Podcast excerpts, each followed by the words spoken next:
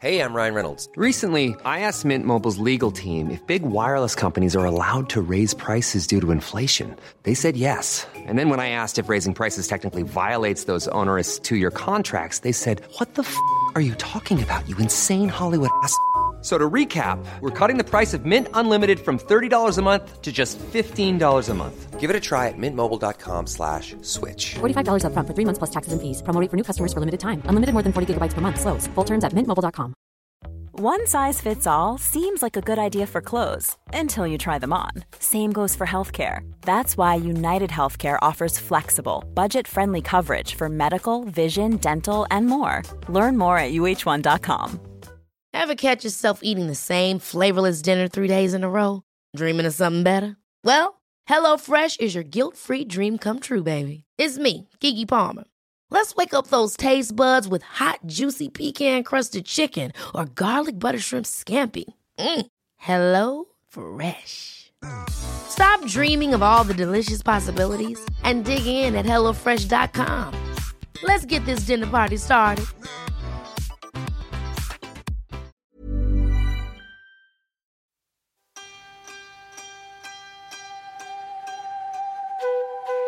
Välkommen till Psykologsnack, podden där vi pratar om psykologi och psykisk hälsa och ohälsa. Idag är ju vi extra peppade och glada för att vi ska ha en gäst som vi har sett fram emot att få träffa. Välkommen Anna Bennick. Du är ju psykolog, författare, sommarpratare, skribent i DN, föreläsare och känd från Nyhetsmorgon i TV4. Så kul att ha dig här. Tack, det är jätteroligt att vara här. Och vi ska ju prata om ensamhet idag, tänkte vi. Eh, och du är ju också aktuell med en, eh, en liten del av Nyhetsmorgon har vi förstått, en liten programserie, Vårt känsliga liv, som också då handlar lite om ensamhet. Vi har förstått att första avsnittet var i söndags. Ja, oj vad ni har eh, snappat upp. Ja men precis. Eh, det var första avsnittet i, i söndags och då det som är roligt med den lilla nyhets, eh, eh ja, men det lilla inslaget som jag får göra är att, att jag får ägna mig åt olika ämnen flera gånger. Att det går att dela upp det. För det är ju ändå tio minuter eh, och så ska man behandla ett helt ämne. Vad är det, hur ser det ut, vilka symptom Mm. och vad kan man göra och vad kan man inte göra och så vidare.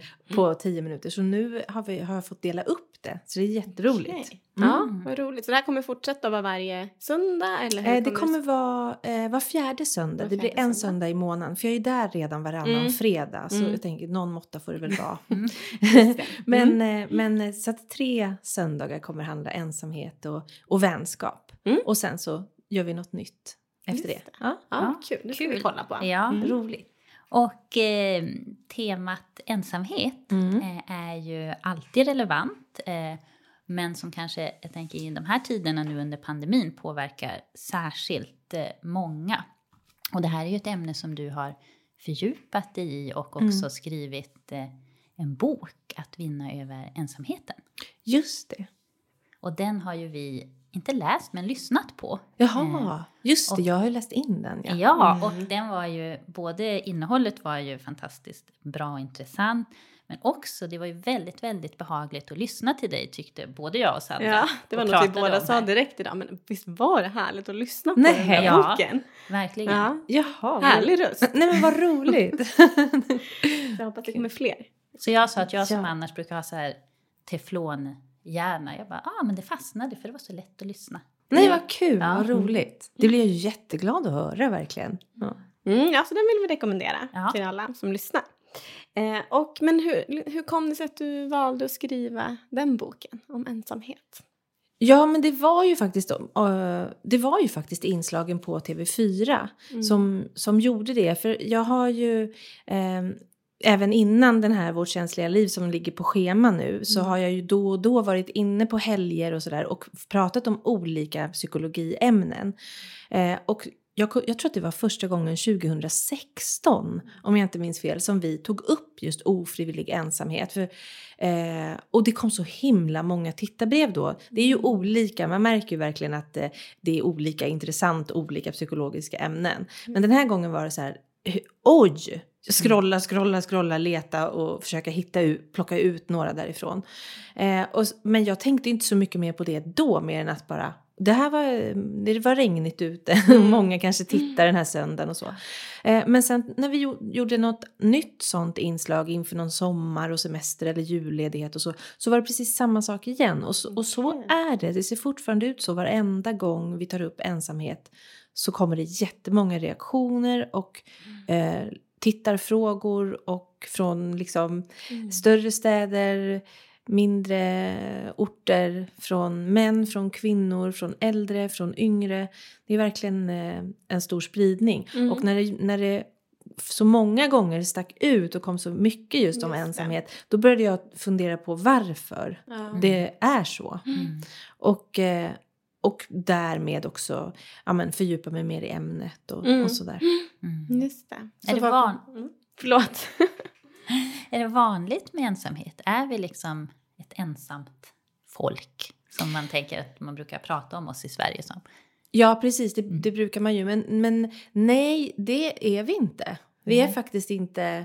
Det är en myt det där att vi skulle vara världens ensammaste folk och, och, och så. Det kanske kommer ifrån delvis att vi är världens mest ensamboende folk. Vi, vi är flest i, i ett huvud i ett Just det, hushåll. singelhushåll. Ja men Mm. precis, singelhushållen. Eh, så möjligen är det en anledning till att, att den där myten har dragit igång. Jag tror det finns flera anledningar också. Mm. Den, här, vår, vi uppe i Norden och hur liksom, Mm. eh, vi inte pratar glatt och vilt omkring oss och sådär. Att vi kan kännas ganska eh, ja, men hög integritet och lite, Ja. lite karga. Ja, med alla de här äh, skämten som kom i början av pandemin. Just Att liksom norrlänningarna tyckte väl att vad var det här? Ja, Det var det, det är vardag, det är skönt nu bara Ja. att alla andra också håller avstånd. Ja, hur länge, hur länge måste man stå så här nära? Bara Ja. två meter är Precis. det oerhört Kan intimt. Kan man nästan bli gravid av Ja. att stå så här nära. Usch. Eh, ja. men, ja men precis. Så, att det, så att det är väl säkert flera anledningar till det. Men om man tittar i forskningen så kan man se att vi till skillnad från många andra länder i Europa faktiskt är, mer nöjda med våra relationer och våra vän, vänner och vänskapsrelationer än, än andra. Okej. Mm. Så, och vad kan det bero på? Ja, det, jag satt just och tänkte. Ja. Ja, ja men det finns, det finns ju inga egentligen färdiga svar på det. Nej. Varför det ser ut så. För eftersom många också som flyttar hit eller flyttar inom landet tycker att det är svårt att eh, skaffa sig nya vänner och sådär. Men det kanske är att eh, dels så rusar vi omkring i den här stressiga vardagen och så är vi redan uppenbarligen då ganska nöjda med det umgänge som vi har. Eh, och då uppfattas vi också som ganska stängda inför nya människor kanske. Okej. Mm. Men, men du menar att vi i Sverige ändå känner oss kanske att vi är mer nöjda med våra vänskapsrelationer men är vi mindre ensamma än andra också då? Eh, ja, på, om man ska jämföra med liksom, andra länder i Europa så, så är vi inte ensammast. Det finns Nej. många som rapporterar högre grad av ensamhet, både faktisk ensamhet och, och upplevelsemässig ensamhet. Eh, men därmed inte sagt att vi inte också har Nej. problem med ett, ett ganska stort gäng alldeles för ensamma människor i, i vårt land också förstås. Vad, vad, är det som, vad är vanliga orsaker till att man kan känna sig ensam? Och finns det liksom, ja men du nämnde lite olika typer av ensamhet. Ja men just det. Eh, ja, men en sak som att vara, en sak att vara ensam är ju att vara utan andra människor omkring sig. Det är det som brukar kallas för ofrivillig ensamhet. Alltså att man har för få för få kontakter runt omkring sig. Det, blir för, det är för lite, det är svårt att vända sig till någon om man behöver till exempel. eller sådär.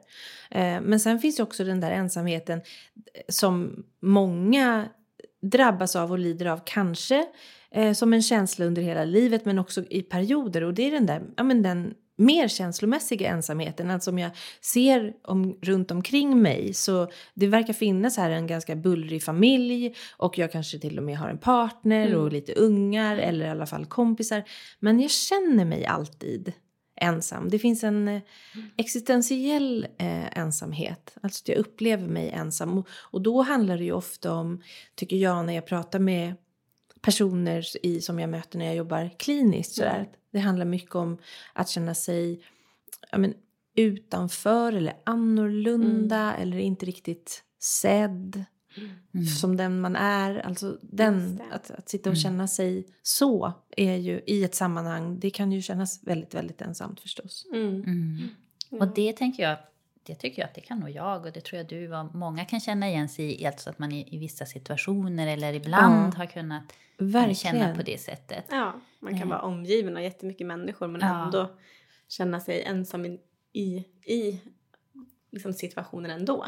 Ja, verkligen. Mm. Jag tror också att det är, om man ska prata om, om ensamhet så det, det finns ju en ensamhet upplevd ensamhet och ibland kanske faktisk ensamhet som ju inte heller går att komma ifrån mm. i livet utan det är någonting som vi behöver hantera. Att man känner sig ensam eh, i tonårsrummet mm. och när man liksom inte vet riktigt vad som händer med en själv och när man inte riktigt har fått tankar på plats och, och sen mm. också senare i livet. Man går igenom olika kriser och eh, uppfatt, upplever och uppfattar ensamhet på olika sätt och det är någonting som man får då förhålla sig till och hantera och se till hur man kan ta hand om sig själv och, så, mm. och sådär på mm. bästa sätt förstås. Mm. Men sen finns det ju den där ensamheten som biter sig fast och finns kvar och ställer till med mm. väldigt mycket oreda och lidande för många individer förstås. Mm. mm.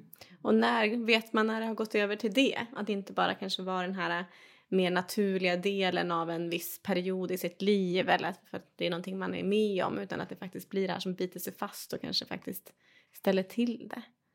Ja men jag tror att det är ganska, det är nog ganska lätt att eh, känna igen när mm. man är i den där ensamheten som är svår att ta sig ur.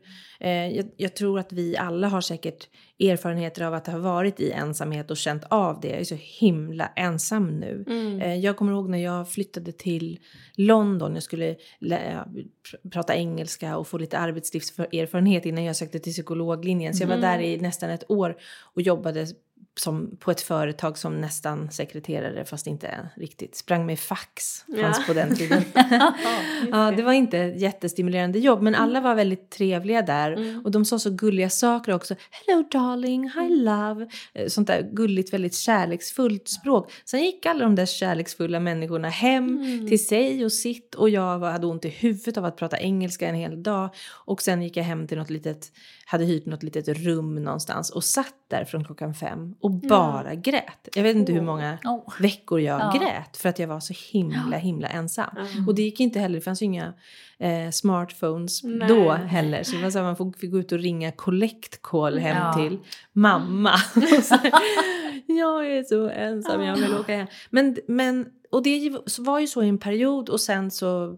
Hittade jag någon som jag följde med ut och tog en öl och sen mm. lärde man känna någon annan och sen var det någon kille där som var väldigt lite rolig en stund och sen, och sen så plötsligt så hade man ja. kompisar. Och det mm. där finns väl med i de flesta mm. människors liv. Mm. Men när det inte går att liksom stänga av den där ensamheten, Nej. när man vet att det här är snarare regel än undantag för mig. Det kan ha varit så också sen man gick i skolan kanske mm. att man har inte haft så många. Mm. Eller man har plötsligt flyttat och förlorat nätverk och Eh, och sen lyckas man inte riktigt Nej. komma in. Och så sätter skammen mm. igång som gör att det är svårt att fråga och vända sig ut. Mm. Och, och sen så är man där hemma.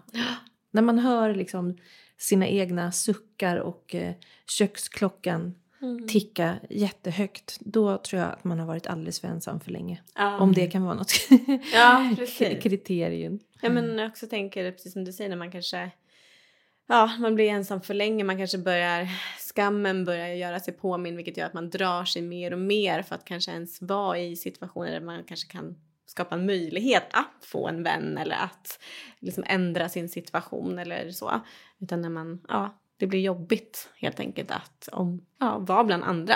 Ja. Då blir det svårare och svårare att bryta den där ensamheten också. Ja. Mm. Har ni flyttat från mm. andra. För ni är ju inte från här där vi sitter nu, vet Nej. ju jag sen vi pratade lite innan. Mm. Men har ni flyttat också då från familj och mm. ja. till något studentrum mm. eller något mm. sånt där? Ja. Och mm. var ni ensamma då eller fick ni, för det är ju en sak att komma in i en ny studentmiljö, ja. tänker jag kan gå fortare och sådär. Vi pratade också om det lite innan, precis. Jag beskrev också att jag flyttade till USA direkt efter gymnasiet och jag har aldrig varit så ensam i hela mitt liv i 48 timmar. Och sen poff, alla andra som var där var ju också ensamma. Ja, just det. som kom från alltså, så då var det inget problem. Mm. Alltså det gick så fort men det var 48 väldigt jobbiga timmar innan jag hann prata med någon och sen hade jag vänner liksom hela tiden. Och det var ju för att jag tänker att alla vi kom dit på samma premiss. Vi Mm. kände ingen. Alla Nej, hade lämnat sina familjer mer eller mindre. Eh, men när jag flyttade hit, det pratade vi faktiskt också lite om, det var Mm. ju lite annorlunda. Då kom jag inte till ett sånt sammanhang liksom, där man träffas på en gång med andra som har samma situation. Utan ja, men visst, börja på ett nytt jobb. Men ja, jag tyckte att det var mycket tuffare. Och som tur var så hade jag mina gamla vänner från Jämtland, många som också hade flyttat till Stockholm, så jag hade dem. Eh, Men i övrigt så tog, ja, det var inte helt enkelt tycker jag att skaffa nya vänner. Det var du Åsa som tog dig an mig när jag började där på, på psykiatrin. Mm, Eh, Men an, ja, nej, inte, jag kände mig ganska ensam ett tag. Ja, Mm. ja, det är ju svårt. Mm. Och jag, det verkar ju som, om, om man tittar också hur, hur ensamheten ser ut liksom i, i Sverige så verkar det vara så att det är fler som är ensamma i större städerna som Mm. Stockholm och Göteborg till exempel. Att det är mycket svårare. Man tänker sig, hade en klient som flyttade upp från en mindre ort och eh, hade fått ett nytt jobb och såg liksom framför sig att det skulle finnas såna här kaféer som i serien Vänner. Ja. Att man skulle hitta ett sånt Ja. gäng och känna den Ja. som jobbar där och Mm. ramla in någonstans och så. Och det hände ju inte Nej. henne. Nej. Nej. Hon kom till mig sen Ja. Och var jätteensam. Ja. Och med massa pålagringar av det som Mm. förstås sömnsvårigheter och nedstämdhet och sådär. Mm. Ja. Ja, det är det är hon som du tar upp som ett exempel i, i boken också. Ja. Just det. Mm. Men Verkligen. vad, vad kan man göra då? För jag tänker när vi eh, i jobbet har ju både du och jag Sandra mött personer som har känt sig ensamma. Och ibland är det lite svårt också att veta så här, men hur ska man göra för att hitta om det kanske inte finns alltid heller som vi som träffades via jobbet en naturlig liksom, mötesplats och började prata och sådär. Eller jag tänker, jag har ju också, i, apropå att vara ensam i perioder, åkt iväg till Australien och var ensam där. Men det kom ju ändå människor man mötte i studiemiljö och Mm. och så. Men om man inte har dem där, hur gör man då? Eller man kanske har dem men inte vet hur man ska göra. Har du några Ja. tips eller? Ja, det som, är, det som jag tycker är så himla viktigt att, att eh, prata om högt och eh, liksom få ja, men, oss alla att tänka på och förstå mer, det är ju att ensamhet kan, man, kan i stort sett vem som helst hamna i. Eh, och det är inte bara liksom konstiga kufar med bristande sociala färdigheter som gör det. Eh, utan det kan, det kan handla om, ja men det skulle kunna vara egentligen vem som helst. Men att med tiden, och det tror jag, det behöver inte ta så himla lång tid heller. Med tiden så händer det ju massa andra saker med oss som gör att det blir ännu svårare. Och om man snabbare kan förstå det, att vad till exempel skam är ju en signal som, som säger till oss att vi ska dra oss undan och gömma det här fula och inte visa upp det för någon. Eh, och det är ju en jättestark väldigt obehaglig känsla. Alla som har känt skam, alltså den är ju fysisk och den, Ja, fy. ja. den är förskräcklig Mm. verkligen. Eh, och, och det leder ju inte till att man rätar på ryggen och frågar någonting. Vad, har, vad har ni gjort i helgen då? På, om man står på eh, en arbetsplats eller på någon, må- något ställe. Utan tvärtom att man verkligen drar sig undan och gör sig osynlig. Så ganska snabbt är man inne då i en negativ spiral. Mm. Där man sen blir nedstämd, trött, får sämre tilltro till sin egen förmåga. Och hur ska man i det skicket orka gå på drejkurs och vara, vara en Ja. glad figur som, eh, som knyter massa kontakter. Man kan också, när man har så låg självkänsla eller tilltro till vad jag klarar av eller att andra ens vill vara med mig. Då, då blir ju hemmasittandet och det där undandragandet, det skulle vi alla hamna i. Mm. Eh, så, så det tycker jag är så himla viktigt att, att ha som utgångspunkt att ganska ofta så behöver vi lite hjälp, lite stöd. För det där är ju det är inga små grejer man har att tampas med då. Så man kan behöva lite hjälp. Det är naturliga efterföljningar av ofrivillig ensamhet. Och, och man kan oftast behöva lite hjälp. Och då behöver det ju finnas ställen att vända sig till för att Just få hjälp. Mm. Och vart, vart ska man vända sig då om man känner att nej men, nu tar jag mig inte ut ur, ur det här själv. Liksom. Jag behöver stöd och hjälp. Ja, det är ju en jättebra fråga. Mm. Eh, jag möter ju ofta sådär, eh, vad då ska jag gå till vårdcentralen Mm. säger du? Ja, jag säger faktiskt det. Mm. Jaha, ska jag gå dit och säga hej, jag har inga kompisar? Alltså man går ju till vårdcentralen om man har influensa, Mm. framförallt kanske i, i dessa dagar. Eller är det det man inte gör just nu? Det är svårt att veta. Men, eller om man har någon smärta i kroppen Mm, och sådär. Men att gå dit och säga ja, mitt sociala nätverk är så himla dåligt och jag Mm. mår verkligen dåligt av det. Det gör ju, vi har ing, ingen riktig sån tradition Nej. ännu. Och när man är i primärvård och screenar för, och jag tänker även i företagshälsovård och i de här instanserna där vi kommer först. Mm. Där har man ju inte heller, jag tror det är mycket bättre nu, men det är, det är ju inte heller vanligt att man frågar just om socialt nätverk. Eh, utan man frågar om de andra sakerna som är viktiga för vår hälsa. Hur mycket rö- röker du eller dricker du alkohol? Stressar, sover? Eh, rör du på dig? ehm, och så vidare. Men just sådär, hur har du det med vänner och umgås du med någon och kan du ringa någon om du behöver? Det är ju inte frågor som kommer alls lika naturligt. Nej, inte på ett sånt där första Nej. möte när man kommer till vårdcentralen kanske. Och sen Nej. kan det vara så att man inte heller blir tagen på allvar om man kommer och säger men jag känner mig ensam eller inte har eh, Ja. vänner och sådär. Ja. Sociala relationer. Att man säger så här, att, Precis. ja men jaha, du är inte svårt deprimerad eller ja ja men du har ju ändå ett jobb så, Mm, så farligt är det inte. Nej men precis. Mm. Får se till att eh, prata lite mer med kollegorna och Mm. sådär. Och om du känner dig deppig så kan du få antidepressiv Mm. medicinering. För Mm. det är vad, vad man kan ge liksom, på 20 minuter Just det. på, Mm. på vårdcentralen. Men, men det börjar ju förändras nu i och med att det finns så mycket forskning som visar på alla negativa hälso Mm. effekter, i alla fall den ökade risken för det, som, som för de andra eh, hälsoriskerna som vi har med stillasittande, att vi inte rör Mm. på oss eller att vi inte sover eller att vi stressar Mm. för mycket eller röker eller Mm. så. Eh, så. Så finns det ju eh, sa- ja, men i stort sett eh, samma hälsorisker för ofrivillig ensamhet. Ehm, och de andra bitarna hjälper vi ju till med idag. Mm. Så vi behöver väl bara öka kunskap och Mm. se till att få in det lite på kartan. Just det. eh, De här frågorna också. Mm. Och jag Där är du en viktig del, tänker Ja. jag, som lyfter det här i din bok och även ja, men via tv som når många också. Att, ja, det är ju bra om medvetandegöra det här. går. Ja, men Mm. verkligen. Jag känner mig, börjar känna mig tjatig.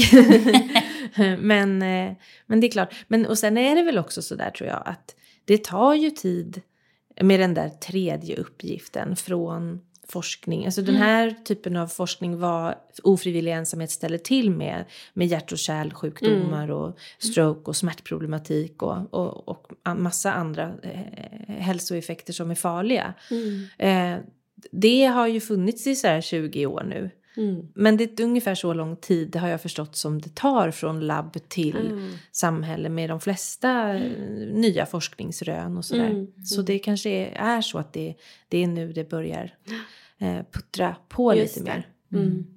För jag tänker det beskriver du ju så bra med det där exemplet också om den här tjejen som flyttar till Ja men som flyttar till Stockholm då och ja men i början så försöker hon ju verkligen och Ja. liksom ja är på jobbet och, och sådär och går och tränar men så blir det mer och mer skamfullt kanske att gå ut eller känna sig mer och mer ensam bland andra, dra sig undan, träna Ja. sluta träna, kanske äta mer osunt, sover Ja. sämre. Ja. Att det, liksom, det blir många, många följdeffekter Ja, av blir den där verkligen det. ofrivilliga ensamheten. Ja. Och att det är väl där man då behöver kanske hjälp att hitta ett strukturerat och någorlunda görbart sätt att återta Ja, vissa precis. delar. Man behöver ändå befinna sig på någon sorts eh, okej nivå Mm. av hur man eh, känner sig och hur man mår. För att orka sen ta de där stegen. Just för visst är det så sen att sen har ju alla individer förstås ett ansvar att också försöka. Eh, och och att, att försöka här är uppenbarligen svårare än i Mexiko eller Costa Rica. om man Just tittar det. Mm. på hur lätt det är att hitta nya vänner som jag ju också beskrev både i boken och i sommarpratet. Sådär. Mm. Eh, men det är fortfarande så att att, att om man ska ha möjlighet att öka sociala kontakter så måste man försöka hitta lite folk. Ja, precis. Ja, ja det, är som, det är ju en större utmaning här kanske än i Costa Rica. Eller, ja. Jag tror det och det är också en större utmaning idag på många sätt i alla fall än vad det var för 50 år sedan och 100 år sedan. För att vi har eh, minskat eh, antalet eh, naturliga mötesplatser eller i alla fall antalet tillfällen när vi är där. Om man tittar på eh, sekulariseringen till exempel. Kyrkan har ju varit en jätteviktig plats för så här, sam, känsla av samhörighet, tillhöra något, träffa någon på söndagarna och aktiviteter och någon kvällsvarianter och sådär. Att man har ett sånt sammanhang och det gör vi inte alls i samma utsträckning Nej. idag. Och det man ser också är ju att vi inte alls heller är, deltar lika mycket i politiska partier, engagerar vi oss inte lika mycket, inte heller föreningslivet. Eh, tappar liksom folk. Vi, sen tror jag vi gör en hel del sociala aktiviteter eh, på våra skärmar. Ja, jag också. tänkte just det, det har väl tagit över. Det har ju förstås tagit över, Ja. Mm. att vi kan fixa så mycket hemifrån. Och det kan ju vara en jätteviktig plats för många. Mm. Förstås. Mm. På, men ibland på ont också. Att, eh, för det kan inte ersätta precis allt. Nej. Ehm, så det, det, verkar, ja, men det verkar finnas en del uppförsbackar. Och sen nu när vi sitter här vid det här köket, ni har tänt ljus och, det, och ställt fram bullar, det är så himla mysigt. Men om man tittar ut och så tänker man att det är en eh, väldigt blåsig, regnig novemberdag det här. Och så tänker man att det kanske är lättare att gå ut och börja prata med någon om det fanns här lite strand och hav Sol och värme utanför. Ja. Precis. Och att man fick vara ute och träffas. Ja, just det, att man ens fick gå ut. Ja, Ja. det hade också underlättat lite. man tycka. Ja, det är en väldigt konstig tid nu. Mm, mm. Ja men det är det. Men jag tycker att vi pratade också lite om det innan. Att så här, ja, vad gör den här pandemin med, med oss i, i det här? Att, ja, det är ju flera av de här då, om vi har få saker från början, jag håller med. Alltså, när jag var barn då var det, det var föreningar, det var sjunga i, i kyrkokör, det var liksom massa saker. Nu är det liksom nästan inga sådana. Jag har inga sådana gemensamma, liksom någon förening, utan det är, liksom, det är jobb och så har man sina vänner och familj. Mm. Det är det. Och sen då också, då tas, tas det också bort att man får inte riktigt träffa sina vänner och familj på samma sätt. Eh, och ja, helt plötsligt så är det ganska ensamt. Ja. Fast nu blir det ju på ett sätt, det blir kanske lite mer den här... eh, Från början så tycker jag att det var det här, men att man inte får träffas. Eh, Det kanske inte var liksom emotionellt jobbigt på det sättet, för menar, alla har det ju lite lika. Mm. Men nu tycker jag att det börjar liksom tära lite mer faktiskt. Ja. Att man börjar känna verkligen att jag har... Och att man, det tar längre och längre tid mellan gångerna där jag kanske pratar med mina vänner och sånt där. Mm. För att man har inte samma saker att prata om längre. Man är Nej. nästan lite less på att prata om så Samma saker. samma saker. Ja, det är pandemin och det är verkligen. grått och det är mörkt. Så att det är Vad har liksom... du gjort på sista tiden? Nej, Ja. jag har inte. Nej, jag Och du då? Nej. Nej. Nej, det är verkligen så. Men, men där tänker jag har ju vi ändå då förmånen Mm. att det finns alltså vänner och man vet Ja. att de ändå finns där ute och, och någonstans har en förhoppning om att det här ska ta slut någon gång och kunna återgå till lite mer normalt liv. Men om man nu inte har det, vad kan man, jag tänker vi runt omkring, om man inte tänker bara på personer som känner sig och upplever ensamheten, vad kan vi runt omkring göra för att stötta eller hjälpa till att bryta den och så? Det där tycker jag är en jättebra fråga och som man också kan ställa till sig själv, inte bara en gång utan lite då och då. Finns det någonting jag kan göra för någon idag? Därför att det som vi kan göra som ändå har det här privilegiet att ha lite folk omkring oss och en familj och lite vänner. Ehm, tio minuter här och en halvtimme där och någon extra dag någon gång här och var har ju faktiskt vi. Eh, och att fundera på vem, vem känner jag som jag tror kanske är lite extra isolerad eller ensam. Kanske inte minst just nu då och när vi kommer snart jul och, och sådär. Att, att bara tänka på dem som är lite mer ensamma. Och jag, jag tror att väldigt många av oss också gör det.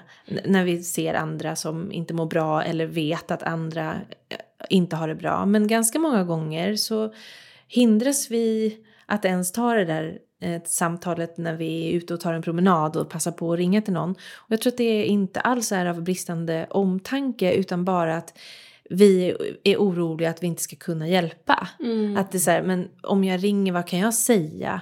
Eh, vad spelar det för roll? Och tänk Mm. om jag säger någonting fel, ska jag ringa och dra igång någonting? Många säger ju så här att man vill inte väcka den björn som sover Mm. och, och så. Nu, nu tror jag att vi som sitter här inne och jobbar med liksom, Mm. att samtala med människor hela tiden inte har det på samma sätt. Men de flesta som skulle vilja göra någonting, det säger ju väldigt många människor Mm. som är i olika typer av kriser. Att när jag förlorade min mamma, då gick eh, föräldrarna från förskolan liksom över på andra sidan gatan. Vill inte möta mig för vad ska man säga? Hur ska vi trösta någon? Vi är inte så bra på det där med död och Nej. bedrövelser och tröst Mm. egentligen. Man vill in, inte säga fel och inte vara klumpig. Och, och sen också det där med i vårat liksom trepunkts fix och trixliste lösningstid Ja. eh, tid som vi lever i just nu. Att vi också så här, men, men vad ska jag säga? Ja. Vad, ska jag komma med för tips? Och att vi har glömt bort eller inte känner till att bara det att lyssna, ställa en fråga räcker. Det är inte passivt, det är väldigt, väldigt aktivt att bara lyssna. Även om det inte känns så. Mm. Ja, det är ju jätteviktigt råd, tänker jag. Ja, att man, det räcker Man behöver att inte ha man, en, liksom, presentera en lösning för en person, Nej. utan man kan bara lyssna. Nej, och jag tror att just det där att oj, om jag får höra allt det här så, så dumpas det i mitt knä och jag måste göra något åt det. Och man kan frikoppla sig från det, för det måste vi inte. Och förstå hur mycket det gör att bara någon får eh, höra en annans röst, sätta ord på spretiga tankar i huvudet. Eh, det ser man ju också i forskning. Jag har precis eh, researchat det för jag ska göra en grej med, ihop med Mind som jobbar med psykisk ohälsa. Just om, eh, vi gör en liten kampanj eh, ihop, eller de gör en kampanj där jag hjälper till lite. Om eh, om samtalets eh, kraft egentligen. Och där hittade jag massa studier på att bara få säga till någon så här, det här tänker jag på just nu och så här känns det, leder till lägre aktivitet i hjärnans alarmsystem och högre aktivitet i de delarna som styr logiskt tänkande och Just det. språk och så. Så att man kan lättare själv, man behöver alltså inte trepunktslistan, Nej. tipsen, utan man kan själv lättare sortera, problemlösa, komma ner i varv. Ja. Och så mindre stress. Så kan man Gud vad intressant. Det tycker jag man kan uppleva själv när man har pratat Ja. med någon. Men också vad spännande att det finns forskning som visar att det är så. På. Ja, men det har jag Ja. hittat. Ja. Det är faktiskt jättespännande. Mm. Att få sätta ord på saker. Ja, mm. vad det betyder mycket för, för oss. Mm. Ja, verkligen. Så din fråga då, jag vet inte om jag riktigt svarade på den, vad kan vi andra göra? Men ring någon eller eh, visa omtanke på olika sätt. Och det kan man göra med smått. Och inte sånt som är stort och tar lång tid och, och så om man inte har den riktigt. Jag har ju hund så jag är ju ofta ute på så promenader och nu känner jag ju väldigt många har man ju lärt känna i, Ja. i kvarteret. Men då brukar jag, inte alltid men ibland, stanna upp i synnerhet med de kanske lite äldre som är pratsugna och stå och snicksnacka en liten stund och tänker att ja men för vissa tror jag att det kanske är den stunden de har. Ja. Och min man, det brukar jag ju ta som exempel, han är ju supersocial. Han pratar, jag är ju liksom en eremit i jämförelse. Men han pratar ju med allt och alla där, så han känner många. Ja. Men att det är ett bra sätt också. Eller som du berättade, att prata med en granne i trapphuset. Ja. Bara stannade upp och frågade, men hur är det? Och sådär. Mm. Ja, jag tror det betyder så kvinna som- mycket. Mm. Knappt går utanför dörren. Men ibland öppnar hon dörren lite. Ja. kan man prata med henne. Ja. Mm. Ja, det tror jag betyder väldigt mycket. Jag lyssnade på något radioprogram också eh, i P1 som tog upp ofrivillig ensamhet och där de hade intervju med en äldre kvinna som hade fått kontakt med en frivillig organisation. För om bara backa till när ni frågade var ska man vända sig Ja. då? Och jag sa ja det är, är svårt och så pratade vi just om vårdcentralen och, och att man faktiskt ska gå dit. Eh, även om det känns svårt och så. För att det kan ju få, man kan ju få till förändring på det viset med ökad efterfrågan på någonting. Men eh, frivilligorganisationerna i det här landet gör ju massor med fantastiska saker.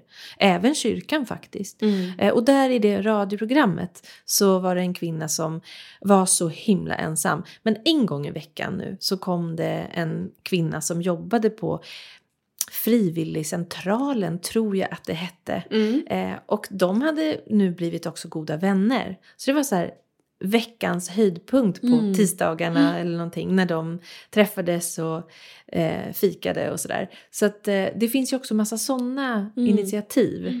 Jag, varför kom jag att tänka på det? Var det din granne här som Ja, grävde på dörren? Tror Jag tror det. Precis, stanna och prata lite så här. Ja. Att tänk om det är det som händer henne den Mm. dagen och vilken Ja, skillnad det då blir. Precis. Mm. Ja. Ja. Och där tänker jag alltså, även om man inte känner sig ensam så vilken skillnad det gör när folk hejar på en Ja. eller om man eh, tappar sin kasse att någon faktiskt frågar oj hur Ja. går det, behöver du hjälp? Mm. Alltså det, man känner verkligen att det händer någonting i När man blir sedd. Ja, Ja. att det, liksom, det ger verkligen, ja nej det, det är kraftfullt. Det är väldigt kraftfullt och därför är det så synd att vi gör det Mm. så lite i Precis. Sverige jämförelsevis med andra länder. Mm. Jag träffade en man från, som kom från Melbourne för precis ett år sedan, nästan, det var januari. Eh, och jag, vi hälsade på varandra, vi var på, i något sammanhang och så, så sa jag så här, men vad tycker du om Sverige då? Och skämdes ju nästan lite Ja. över det förskräckliga vädret som pågick just just då när han, jag tänkte han kom från Australien. Mm. Och han var så här, ja nej, va? Nej, nej men vädret tänkte jag inte på. Men alltså, ni pratar ju inte med varandra här. Han var helt så här chockad över att han inte kunde gå in i en matvarubutik och handla lite och diskutera gurkan eller Nej. prata med de som står i kön och sådär. De gör det där, Ja. tydligen. Mm. Så att, att eh, folk tittar på honom som han liksom lite galen Mm. När han försökte Ja, men här prata sköter med man sig ju främlingar. själv väldigt mycket. Väldigt mycket. Ja, Ja. så det, någonting är det med med oss i Skandinavien. Mm. Om man tittar på de där undersökningarna så är ju också alltså Finland och Norge och Danmark ligger inte heller högt. Nej. Nej. Nej. Precis. Mm. Och om man tittar då liksom i, i jag tror vi pratade lite så riskfaktorer och det du undrade över, vad jag menade med det. Men eh, finns det liksom saker eller perioder i livet eller så som gör att kan öka risken för att Ja, känna ensamhet? Kanske någonting som man ska vara lite mer uppmärksamhet, uppmärksam på. Ja, det finns ju, det finns ju riskgrupper. Mm. Eh, som att bli äldre av Mm. naturliga skäl förstås. Att eh, ju äldre vi blir desto fler runt Mm. omkring oss förlorar vi ju också. Eh, men det kan också handla om skral pension och saker, aktiviteter kostar oss. Och, eller att man har några fysiska hinder och, och någon sjukdom kanske som gör att det också är svårt att ta sig iväg ut och delta i, Mm. i sammanhang. Eh, Yngre är ju en, också en grupp där man kan se i mätningar att eh, 16 till 24-åringar rapporterar hög grad av upplevd eh, Mm. ensamhet. Yngre träffar ju fler personer Mm. än, än vad äldre gör. Men att det, då är det väl återigen den där kanske mer existentiella Mm. ensamheten. Eller Mm. ensamhet. Vem är jag? Passar jag Mm. ens in här? Eh, tycker de om mig tillräckligt? Och, och så. Mm. Ehm, psykisk och fysisk sjukdom Mm. Mm. kan hindra. Faktiskt ehm, också att tillhöra de lägre, mindre privilegierade socialgrupperna. Också tror jag av ekonomiska skäl till stor del. Att, och också att ehm, man har svårare att, både, att få hjälp ifrån Just det. samhället. Så jädra orättvist Mm. att det är jämt när man pratar riskgrupper så prat, Mm. får man också lägga till det. Skilsmässa, Mm. en sån där sak. Och när du, du ställde ju frågan lite, eh, vad kan man hamna kanske i perioder, vad ska man se upp med? Mm. Så tror jag verkligen att även om man lever i en relation Mm. så kan det vara ganska bra att fundera på vem i det här av oss är det som kanske håller igång och sköter om vårt sociala nätverk. Just För efter skilsmässa så ju, finns ju en ökad risk att plötsligt så inser man att de flesta verkar hänga hemma hos mitt, mitt ex. Mm. Av gamla kanske grannar eller ungarnas eh, Mm. kompisars föräldrar Mm. som man har umgåtts med i området Mm. eller sådär. Ehm, så, och där är ju faktiskt också män extra sårbara och det är en högre risk att vara man. Mm. Just det, för De att i, en, i, i den typen av relation så kanske oftast är kvinnan som Det verkar ju vara håller så igång de fortfarande. här sociala Mm. relationerna. Som traditionellt är projektledaren Ja. för det mesta Ja. i familjen. Ja, och som, Så som det har håller ut igång det där i mer. Ja. Och det märks ju inte så mycket när, det, när vi är två. Mm. Eh, utan, eh, för då, man gör väl sitt, det som man är bra på och så gör man mer av det man är bra på Mm. och så ja, plötsligt har man väldigt olika roller kanske. Mm. Men, men när man flyttar isär så blir det ju jättetydligt. Just det. Så Mm. det tycker jag är så här ganska bra, inte bara om man är man, för det kan Nej. gälla också kvinnor, men att vi alla tänker så här, vad, om jag inte hade min familj här, vilka har jag då? Och Just att man det. får jobba lite på, Mm. på det där. Det är ju liksom inte något som bara självklart finns heller, Nej. relationer, utan de behöver man ju ta hand om. Ja, verkligen. Mm.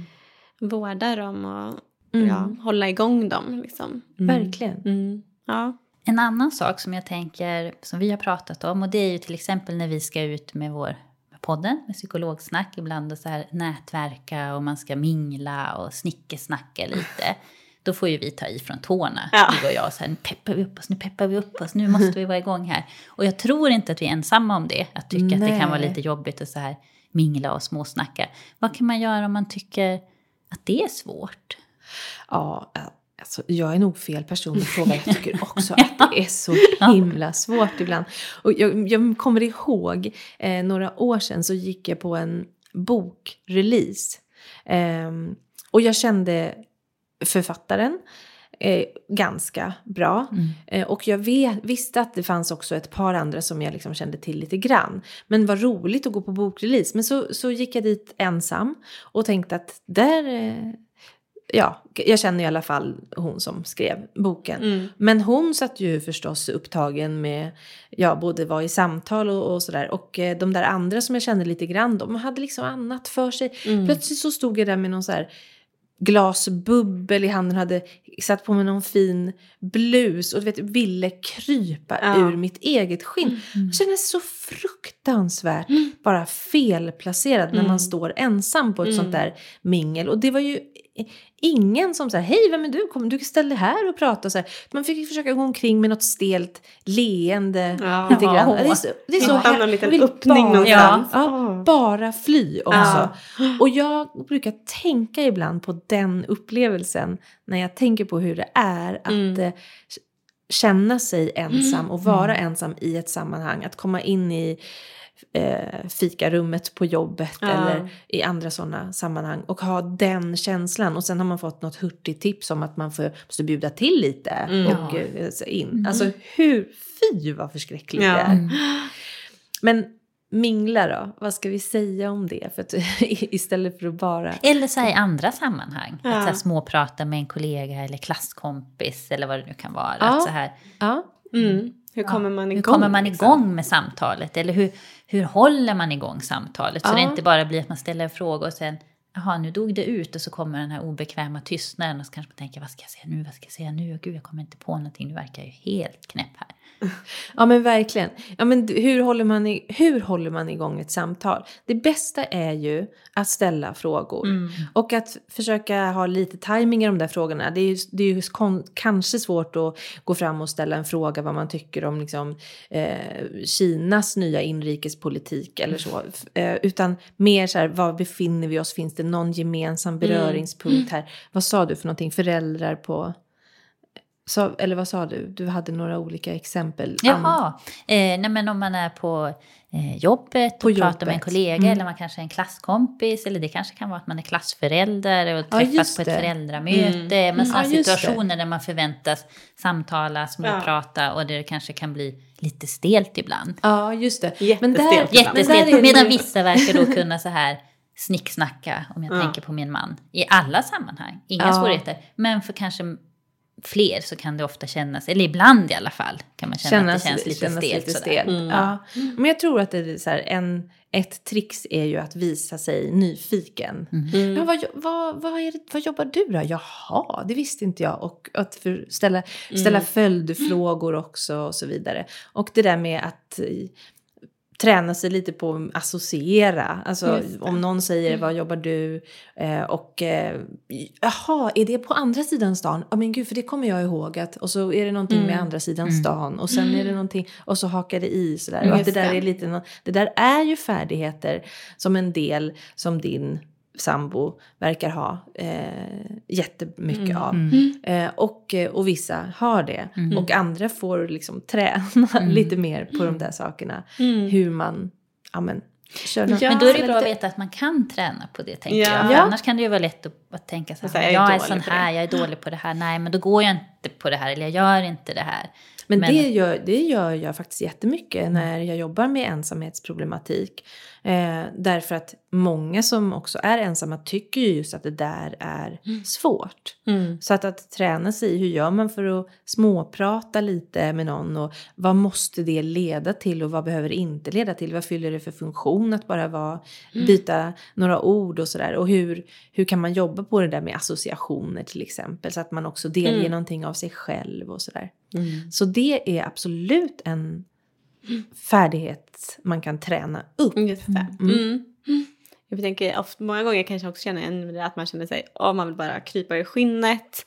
Och då blir, känns det ibland som man blir så blockerad. Det blir så svårt att Ja, liksom hitta man hamnar så mycket i sitt eget ja, huvud. och börjar tänka ju så, åh vad tänker de om mig, mig nu? Ja. Och, och hur ser det här ut? Och. Undrar om jag är rödflammig på Ah, halsen. Precis. Gud vad, vad konstig min röst lät Mm. nu och så vidare. Och så när det, då är det ju jättesvårt att koncentrera sig på vad någon annan säger. Precis. Och då vet man inte heller sen vad man ska ställa för någon Nej, om följdfråga. man inte har kunnat följa med riktigt. Nej, Så blir det precis. väldigt svårt.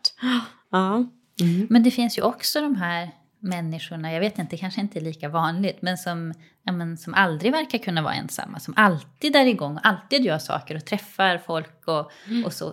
Kan man liksom bli för social? Kan det bli ett problem? Eh, Jag skulle säga av egen erfarenhet. vet inte om jag, om jag har pratat om det i sommarprat eller någonting. Jag tror inte det va? Nej. Eh, nej men jo men absolut. Jag, eh, det, fin- det går att liksom bli lite för socialt beroende tror jag. Eh, och då handlar det väl lite grann om. Jag pratar ju både personer jag träffar och jobbar med och eh, ja, men som, även andra vänner som jag vet fungerar på lite samma sätt. Men också utifrån mig själv att det handlar om en så här svå, svårighet att vara ensam. Men Så här, sover lite, jag sover alltid sämre, jag gör det fortfarande när barnen inte är hemma. Jag har mycket hellre liksom, fötter i ansiktet. Men nu, är nu är det tonårsfötter så det, det är svårt att ha dem. Ändå det hellre. Ja, ändå hellre det faktiskt. Än än att sova alldeles ensam. Så fort det är en unge i huset så sover jag jättegott. Men om jag, är, eh, om jag är ensam så sover inte jag så bra. Nej. Och det märkte jag väldigt mycket i skilsmässan. Att eh, när barnen plötsligt inte skulle bo hemma hos mig utan det kom någon ganska lång person och hävdade halvtidsrätt till dem förstås. Så eh, tyckte jag också att kvällarna var väldigt obehagligt. Jag, rastlöshet och lite oro som är diffus och svår att ta på. Eh, försökte övertala mig själv ibland när jag skulle vara ensam hemma att jag har det så mysigt. Nu tittar jag tänt ljus, vad lyxigt jag kan se på vilken serie jag vill på tv. Och, men ändå med något i huvudet sådär som, eh, men missar jag något? Eller vet någon ens att jag är här? Alltså väldigt mycket sådana där saker. Eh, så jag bokade ju i början upp eh, mig på saker varenda kväll nästan. Okej. Mm. Det var så det blev. Så, så jag, eh, och, och då är det ju återigen så här en ensamhetsproblematik som inte i närheten är problemat, så problematisk som om man inte har någon Nej. att... Jag har ju äh, tur på det viset. Mm. Men eh, det går ju inte att hålla på så. Att gå Nej. ut och äta och träffa folk och ha sig hela, en hel vecka. Det är jag alldeles för gammal för. Det var ju så här, nu måste mina barn komma tillbaka så jag får vara hemma. Ja. Ja. Så, att, eh, så det fick jag ju träna mig på. Så svaret på din fråga är ja, eh, att vara översocial och eh, liksom ha behov av att vara kring människor hela tiden. Det kan också ställa till det och det kan man bli ganska trött och stressad av. Det är nog, jag tror att det är bra att kunna vara ensam.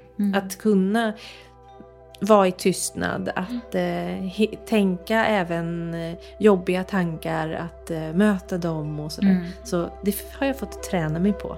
Mm. Jag är bättre idag. Ja. Men kommer väl alltid få dras lite med det där.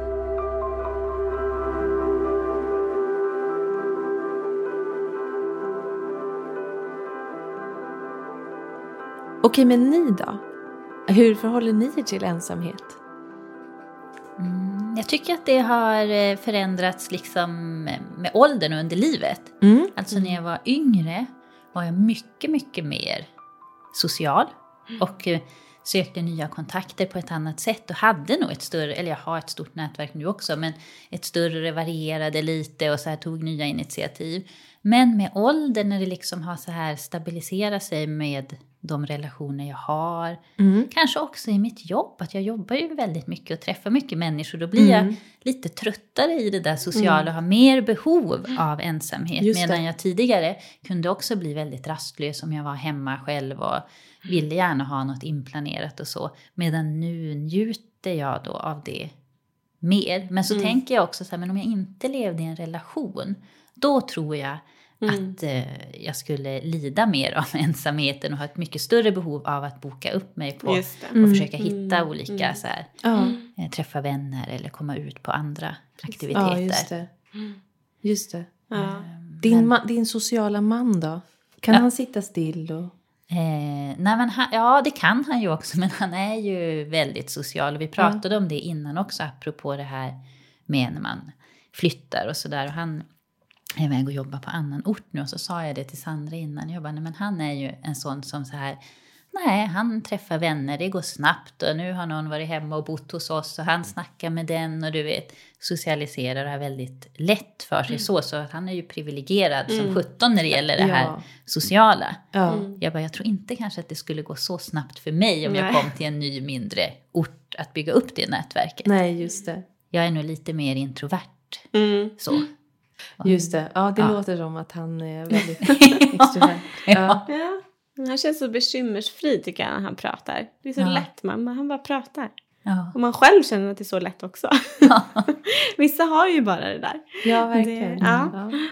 Ja. Men jag, jag håller med. Jag har, alltså jag har nog alltid haft väldigt stort behov av att vara ensam. Mm. Um, jag vet att jag var väldigt mycket sådär även i tonåren när mina kompisar skulle ut och göra saker varje liksom, helg och sådär. Jag var nej, jag vill gärna vara hemma. Men det var också så här, jag hade min familj hemma. Så jag var ju inte helt ensam. Men jag trivdes väldigt bra på det sättet. Eh, sen var det en period då med min sambo när han var ute och reste väldigt mycket. Var borta veckovis, liksom fyra, fem veckor i sträck. Mm -hmm. Och då tyckte jag att det blev jättejobbigt. Mm. Och på ett, vilket var lite bra för då fick jag lite fart och faktiskt börja ta hand om mina relationer mer. Just, att, det. just det, jag måste ju också ha, ja, mina vänner är ju jätteviktiga. Ja. Så då fick jag ett mycket bättre, liksom, lära mig mycket bättre att liksom, vårda mina relationer. Uh, och så nu tycker jag att jag har hittat en ganska bra balans i det faktiskt. Mm. Mm. Men nu är min sambo hemma väldigt mycket och det jag kan märka att när han väl är borta bara en natt eller så då blir jag också väldigt så här, hallå Ja, oj, oj. Mm. Nej, men nu, för nu, är jag van, nu har han varit hemma ett år och inte rest. Ja, just det. Så nu när han väl är borta då blir jag helt sådär... Uh, hoho. Just det. kan bli väldigt rastlös då. Ja, det är något med den där mm. rastlösheten som kan mm. krypa sig mm. på. Så det, Men ja, det är ju också någonting som är så väldigt skönt med när man, om man inte känner rastlösheten, mm. alltså att faktiskt vara ensam ja. ibland. Ja. Vad det kan det finns ju ibland ingenting mer återhämtande Nej. än sitt eget sällskap och ett levande ljus till exempel. Nej men precis, jag håller med. Jag brukar men tycka är det typ det självvalda? Ja, precis. Ja, exakt. när man får en självvald. Mm. Och det kan jag verkligen säga, jag kan se fram emot det hela veckan. Så när man jobbar mycket väldigt så intensivt, så bara på lördag förmiddag, då, mm. Mm. då ska jag vara ensam, jag ska ta det lugnt. Mm. Och sen när klockan är typ två, då är jag så färdig med det. Ja.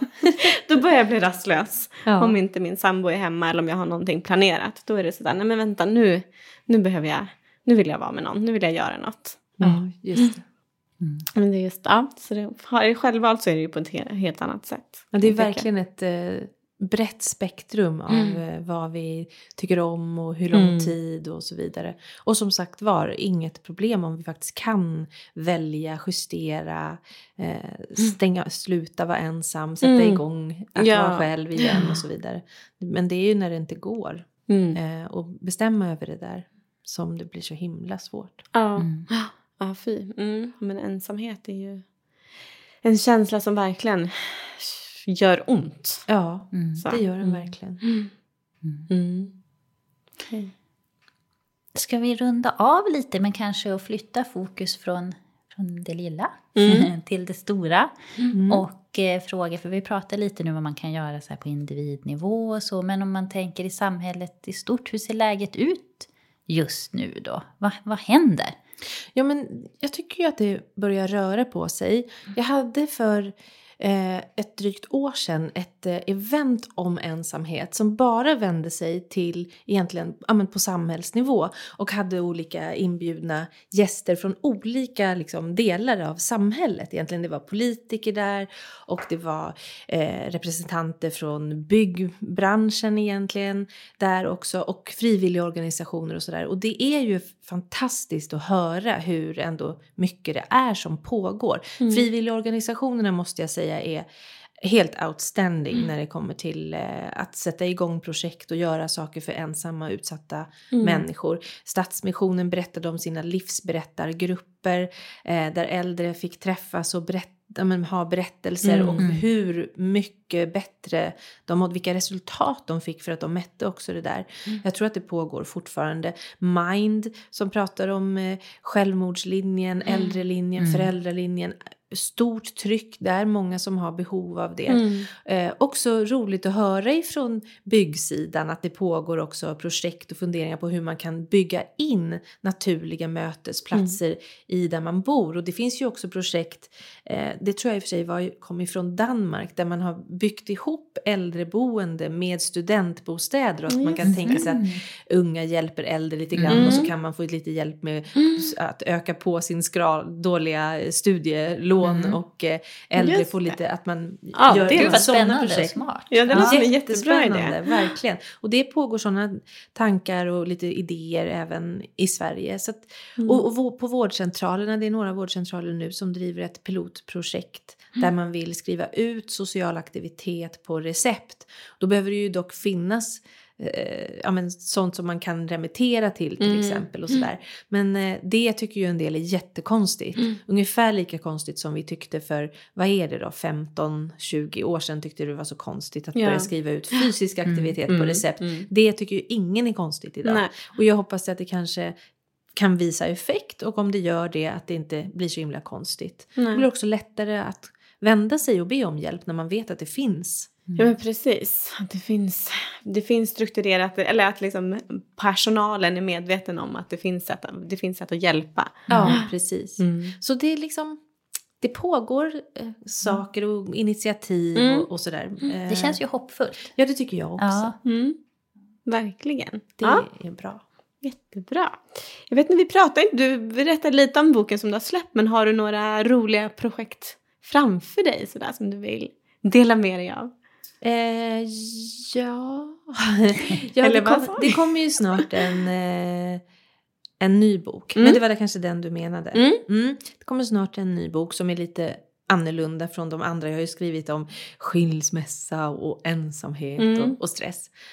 Um, och nu blir det här en lite mer lättsam bok som ska handla om familjekonflikter fast de är illustrerade i sommarstugemiljö eftersom mm. vi ofta delar boenden och uh, ja, kan känna igen att det kan bli trassligt där. Så att, uh, lite konflikter, det är en, en jag skriver den ihop med en manusförfattare som har illustrerat en fiktiv familj och så mm. blir det lite mm. olika trassel. Så försöker okay. jag reda lite i det så gott det går. Så vi får se den. Ja, vad den spännande det låter. Den får ju vi läsa då. Ja, som också delar sommarstugor med familjer. Ja, ja. och brukar prata om det ganska ofta. Just det. Ja. Mm. ja, det är intressant det där. Jag tycker nästan alla har exempel just ifrån mm. Det är någonting med, det blir liksom en tryckkokareffekt av ja. allting när man ska man samlas under lång tid sådär och ska ja, dela på saker. Verkligen. Mm. Och sen så att vi växer upp och bildar familjer och så ska nya komma in som mm. tycker att ska man inte renovera här. Nej, det mm. ska vara som det är. Ja. ja. Det kan, det kan eh, ta sig många vägar. Ja, ja. det kan man tänka mig att det är mycket igenkänning. Ja, mm. ja det, det är väl tanken. Mm. Och så är den ju lite liksom, ro, han skriver ju ganska roligt. Eh, det blir förstås ganska stereotypa karaktärer. Mm. Eh, men eh, ja. Mm. Kul. Spännande. Ja. ser vi fram emot. Mm, verkligen. Ja. ja. Eh, men så tack för att du kom hit. Eh, det var jättekul att komma. Tack för att du fick komma. Det är vi så glada för att du gjorde. Ja. Tack. Tack. Psykologsnack finns ju också på Instagram eh, och där får ni gärna höra av er i meddelanden om ni har tips på teman som ni vill att vi ska prata om eller om ni har frågor eller annan återkoppling som ni vill ge oss. Mm. Och vi vill också som alltid säga tack till Jenny Segerheim som hjälper oss med ljud och klippning av podden. Och tack till Ulf Solulf Svedlund för att vi får låna din musik i podden. Tack så mycket!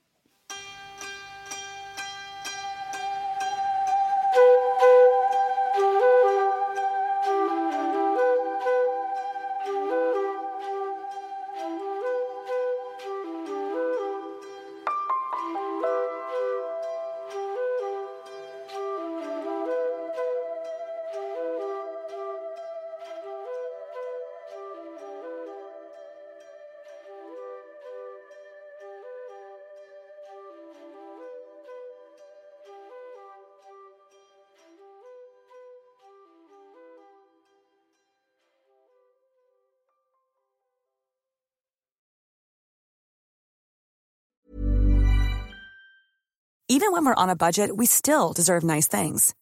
Quince is a place to scoop up stunning high-end goods for 50 to 80% less than similar brands. They have buttery soft cashmere sweaters starting at $50, luxurious Italian leather bags, and so much more. Plus, Quince only works with factories that use safe, ethical, and responsible manufacturing. Get the high-end goods you'll love without the high price tag with Quince. Go to quince.com/style for free shipping and 365-day returns. Hey, it's Paige DeSorbo from Giggly Squad. High quality fashion without the price tag. Say hello to Quince. I'm snagging high-end essentials like cozy cashmere sweaters, sleek leather jackets, fine jewelry, and so much more. With Quince being 50 to 80% less than similar brands. And they partner with factories that prioritize safe, ethical, and responsible manufacturing. I love that. Luxury quality within reach. Go to quince.com slash style to get free shipping and 365 day returns on your next order. Quince.com slash style. Mom deserves the best, and there's no better place to shop for Mother's Day than Whole Foods Market. They're your destination for unbeatable savings, from premium gifts to show stopping flowers and irresistible desserts. Start by saving 33% with Prime on all body care and candles. Then get a 15 stem bunch of tulips for just $9.99 each with Prime. Round out Mom's menu with festive rose, irresistible berry chantilly cake, and more special treats. Come celebrate Mother's Day at Whole Foods Market